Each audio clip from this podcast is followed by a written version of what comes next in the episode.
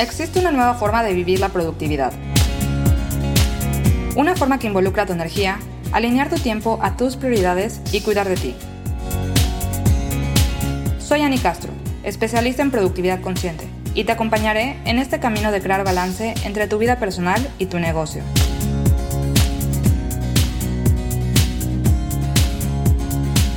¿Cómo tener disciplina? Esta es una de las preguntas que más me han hecho alumnos tanto en cursos como en la comunidad de Instagram.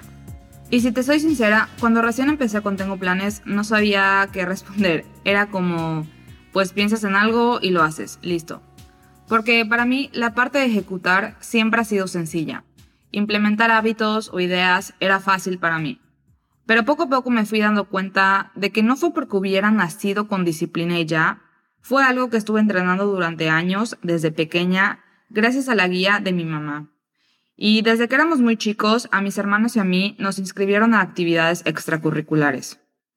En las tardes, después de la escuela, mi mamá nos llevaba a nuestro respectivo deporte y tener algo que disfrutáramos y con lo que podíamos comprometernos por voluntad propia nos enseñó sobre constancia y sobre esta disciplina. Y digo voluntad propia porque aunque era ella quien nos llevaba, nosotros podíamos elegir el deporte o actividad y nosotros éramos los que queríamos ir. La verdad es que no recuerdo mucho de qué era lo que pasaba en mi escuela, pero sí recuerdo mis tardes en los diferentes deportes que practiqué y era absolutamente mi momento favorito del día. Es lo que más tengo presente de mi infancia. Y aunque por supuesto había días que de repente no se nos antojaba del todo ir a algún entrenamiento, mi mamá de cualquier forma nos llevaba. Esta disciplina fue como semillas que se plantaron y que con el paso de los años se convirtieron en árboles que sí daban frutos. Sentía que podía lograr todo lo que me proponía y era algo increíble, no solo en el deporte, sino en cualquier área de mi vida. Conforme fui creciendo, adopté esta disciplina como mi superpoder. Y como me daba tantos resultados, empecé a asimilar de forma errónea que mi valor estaba en ser la más disciplinada y que mi valor estaba en estos resultados. Usar la disciplina de forma rigurosa era mi forma de tener el control. Y esta creencia, más otras cosas, empezaron a absorber toda mi energía, sobre todo en la época de la universidad. En ese momento definitivamente no me daba cuenta de esto, pero con el paso de los años y la introspección pude reconocer la raíz y así fue como tuve un duelo con la palabra disciplina. De repente sentía que la disciplina significaba castigo o de alguna forma obligación y tenía que empezar a tener cuidado con, con esto, con la disciplina, porque para mí era un arma de doble filo. Era tan, tan, tan disciplinada que me terminaba drenando. Y no era la disciplina en sí, era porque de nuevo estaba la autoexigencia ahí. Por eso cuando escuché el término disciplina flexible y que es de lo que vamos a platicar en este episodio, en mis inicios, en este camino de integrar la productividad consciente en mi vida, fue como, necesito esto, o sea, necesito tener esta disciplina flexible. Y antes de definir la disciplina flexible, vamos a repasar qué significa la disciplina a secas es la capacidad de empezar y concluir una actividad y de mantener la atención al momento de ejecutarla. Entonces, la disciplina flexible es básicamente eso también, sumándole que tienes la libertad de hacer cambios, de improvisar y de darle espacio a la creatividad. No es rigurosa, es una disciplina abierta porque te permite escucharte a ti mismo y también reconocer tus necesidades. La disciplina flexible es hacer lo que dijiste que harías siempre y cuando esto esté en sintonía contigo. Básicamente es cuidar de ti. Y te comparto todo esto para que sepas que ser disciplinado no significa irte al extremo y exigirte al exceso como a mí me llegó a pasar. Eso fue algo que yo le fui atribuyendo a la disciplina, pero no significa eso. En realidad no era disciplina lo que yo tenía cuando estaba en la universidad, era el perfeccionismo disfrazado y llevándome a la autoexplotación. La disciplina que yo quiero en mi vida es una flexible, una que no sea rígida, que me permita respirar y sobre todo que me ayude a lograr mis objetivos planteados sin sentirme asfixiada. Y si tú quieres también adoptar este tipo de disciplina, ahora sí pasemos a la parte de cómo tenerla. No hay una fórmula mágica, como en nada. Me encantaría que hubiera un chip que insertemos en la cabeza para que todo empiece a operar solito, pero no es así. La disciplina se entrena. Y como todo proceso requiere práctica, constancia y tiempo. Y bueno, también paciencia, mucha paciencia. Después de repasar mis experiencias para poder responder a esta pregunta, llegué a la conclusión de que hay cinco puntos claves que me han permitido desarrollarla en distintas áreas. El punto número uno es definir el objetivo. Debes hacerte la pregunta en qué quiero entrenar mi disciplina. Porque si dices en mi trabajo, eso es algo bastante ambiguo y bastante amplio.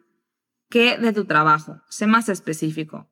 En mi caso, cuando empecé en esto del emprendimiento, era disciplinada ejecutando ideas, muchas ideas, lo que me llevaba a estar brincando de proyecto en proyecto, me distraía con facilidad, ya que la dispersión siempre ha sido parte presente de mi vida y en ese momento no sabía en qué poner el foco o cómo ponerlo. Y la parte donde me costó la disciplina fue en ejecutar con orden y estrategia. Así que mi objetivo era entrenar la disciplina para concentrarme en implementar lo planeado. Si para ti el objetivo es un hábito, define cuál hábito es el que quieres entrenar. Levantarte a determinada hora, hacer ejercicio, desayunar algo sano. Primero tienes que elegir un objetivo y enfocarte en entrenar la disciplina en esa área y cada vez que logres ser más disciplinado o tener esta disciplina en un área específico, te va a ser más fácil ir abarcando nuevas áreas. No es como que la disciplina se entrena en una área y ya mágicamente se aplica para todo. Es algo que conforme algo nuevo va surgiendo y requieres esta disciplina, pues vas a tener que empezar de nuevo el proceso, pero repito, cada vez va a ser más sencillo ir abarcando nuevas áreas. El punto número dos es tener clara tu motivación. Y esto es fundamental porque cuando no sabes lo que haces ni por qué lo haces, es cuando uno empieza a perder el rumbo y de nuevo a perder el foco. Imagínalo como un fuego interno. ¿Qué es lo que hace que esa llama crezca o se haga chiquita? ¿Qué es lo que te despierta a ti? El brillo, la chispa o esta emoción. Siguiendo con el ejemplo de mi trabajo, mi motivación es desarrollar mi potencial, dedicarme a hacer algo que me apasiona y ayudar a otras personas a construir la vida que quieren. Y cuando no sé lo que estoy haciendo o no tengo ganas, pienso en mi motivación y siento cómo la llama literal me llena de energía para continuar en este camino. Y estar pendiente de este fuego interno es como nuestro GPS, que nos orienta a tomar decisiones, que nos orienta a saber qué es lo que me hace bien y qué es lo que no me hace bien. Y cuando algo ya no te hace sentir esa llama, es porque algo está pasando. Y probablemente sea momento de hacer algunos cambios. Aquí es donde entra la flexibilidad, porque es esa libertad de poder hacer cambios cuando lo necesitamos saber que siempre tenemos opciones. El punto tres es saber qué sí y qué no quieres en tu estilo de vida. Qué sí y qué no estás dispuesto a hacer. La disciplina flexible te permite ser congruente porque te invita a hacer evaluaciones de cómo te encuentras, de qué es lo que necesitas en este momento de tu vida y hacer el trabajo interno de conocerte y prestar atención a tus necesidades. Te pongo un ejemplo. Lo que sí quiero en mi vida es que cuando me sienta a trabajar aproveche ese momento al máximo, para tener despejado el resto de mi tiempo y no estarme preocupando cuando estoy como en momentos de mi vida personal por cosas de trabajo. Lo que yo quiero es poder optimizar mi tiempo de trabajo. Y lo que no quiero en mi vida es sacrificar precisamente mi vida personal por mi trabajo. No quiero dejar de hacer cosas que son importantes para mí por trabajar unas cuantas horas más. Saber esto me ayuda a que si un día me siento muy cansada, agobiada y no tengo ganas ni energía, en vez de forzarme a trabajar, aplico la disciplina flexible y me tomo la tarde libre. Porque trabajar en ese momento para mí, para mí, Ani Castro, no sería congruente, ya que sé que no podré utilizar como yo quisiera mi tiempo porque de plano no me lograría enfocar y solo estaría papaloteando moscas y perdiendo ese valioso tiempo. Entonces, en esa tarde libre me olvido de trabajo no me preocupo por eso, hago cosas que me ayuden a regresar a mí, a regularme y al día siguiente podré retomar lo que quedó pendiente o lo que sea necesario. Y ojo, aquí esto yo ya lo distingo súper rápido porque llevo varios años prestando atención a cómo me siento y a mis niveles de energía y haciendo estas autoevaluaciones y puedo identificar cuándo mi nivel de batería de plano no me va a dejar concentrarme ni un pelín. Esto es algo que poco a poco uno va identificando mejor a medida que se va conociendo más. Abro paréntesis para comentarte que esto último que te acabo de compartir sobre la flexibilidad y dedicarme tiempo para mí justo cuando lo necesito es una de las cosas que se me hacen más maravillosas de emprender y por las que más estoy agradecida. Que he podido crear un estilo de vida que me brinda esta libertad de decisión y estoy 100% segura que hablaré a profundidad sobre este tema en otro episodio, pero quería aprovechar mencionarlo. Y cierro este paréntesis. Y continuando con el punto número cuatro, que es ponte lo fácil. Establece en qué lugar a qué hora vas a hacer algo, identifica qué necesitas, identifica qué te distrae y detalla en qué consiste poner en acción tu objetivo. Crea el ambiente necesario para que te sea sencillo a ti ejecutarlo. En mi caso, para poder entrenar la disciplina de concentrarme para implementar lo planeado, primero que nada armé un espacio de trabajo que me inspire en mi casa. Me puse horarios de trabajo y los llamé bloques de trabajo enfocado, porque puedo tener bloques de trabajo normal, pero si tiene la palabra enfocado, ya sé que en esos momentos son en los que requiero tener absoluta concentración. Y también lo que hacía era anotar en mi agenda las prioridades que quería ejecutar en ese bloque. Y en estos bloques me quitaba también todas las distracciones, todas las tentaciones, todo aquello que yo sabía que no me iba a dejar concentrarme para poder enfocarme en ejecutar lo que había planeado.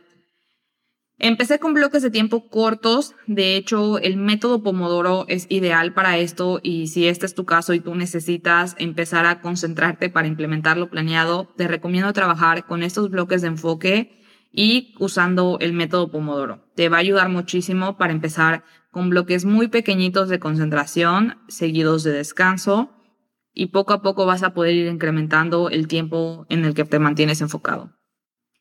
Actualmente mi disciplina en esta área está más que bien desarrollada, pero fue el área que más tiempo y esfuerzo me ha costado y esto nos lleva al punto número 5, que es afrontar los obstáculos porque definitivamente el camino de cualquier proceso no siempre es fácil y siempre podemos toparnos con algún bache o desviación.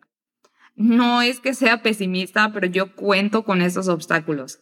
Creo que una vez que aceptas que el camino no va a ser fácil, cuando aceptas que los retos o dificultades son inevitables y pueden aparecer en cualquier momento, se vuelve más sencillo porque cuando dejas de esperar un camino prolijo o perfecto, es más sencillo fluir.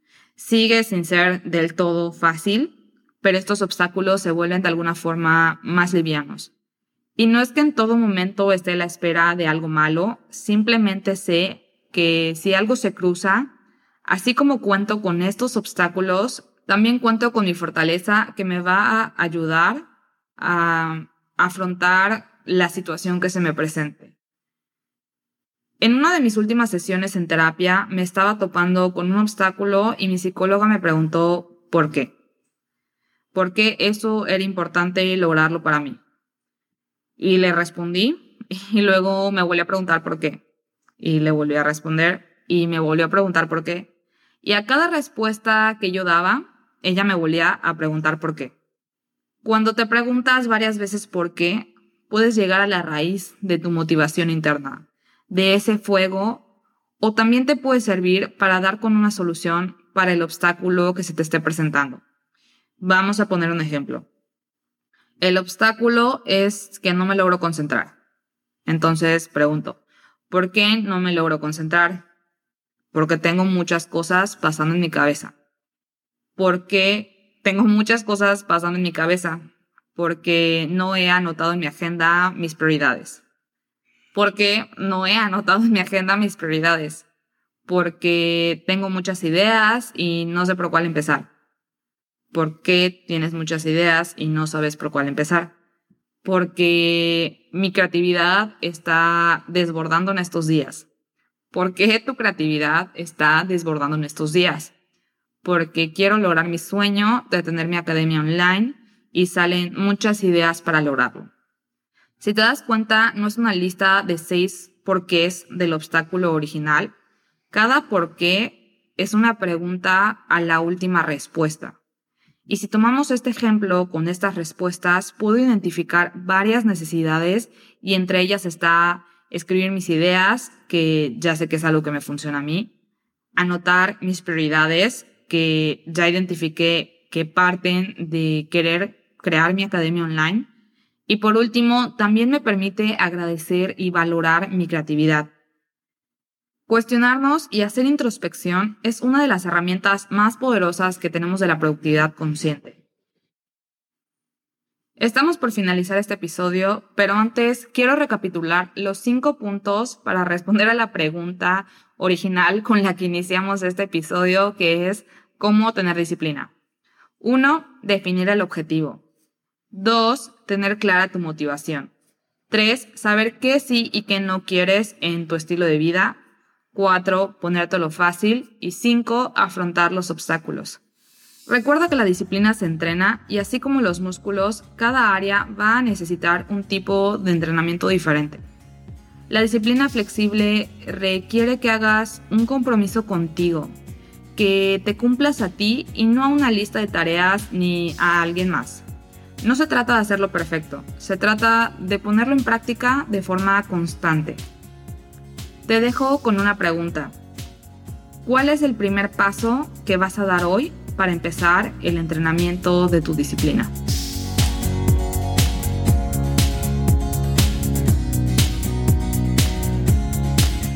Llegamos al final de este episodio. Gracias por estar aquí. Si te gustó, compártelo. Me encantará leer tus comentarios en nuestra comunidad de Instagram arroba tengo planes. Te espero en el próximo episodio con más herramientas y reflexiones de productividad, bienestar, mentalidad y negocios.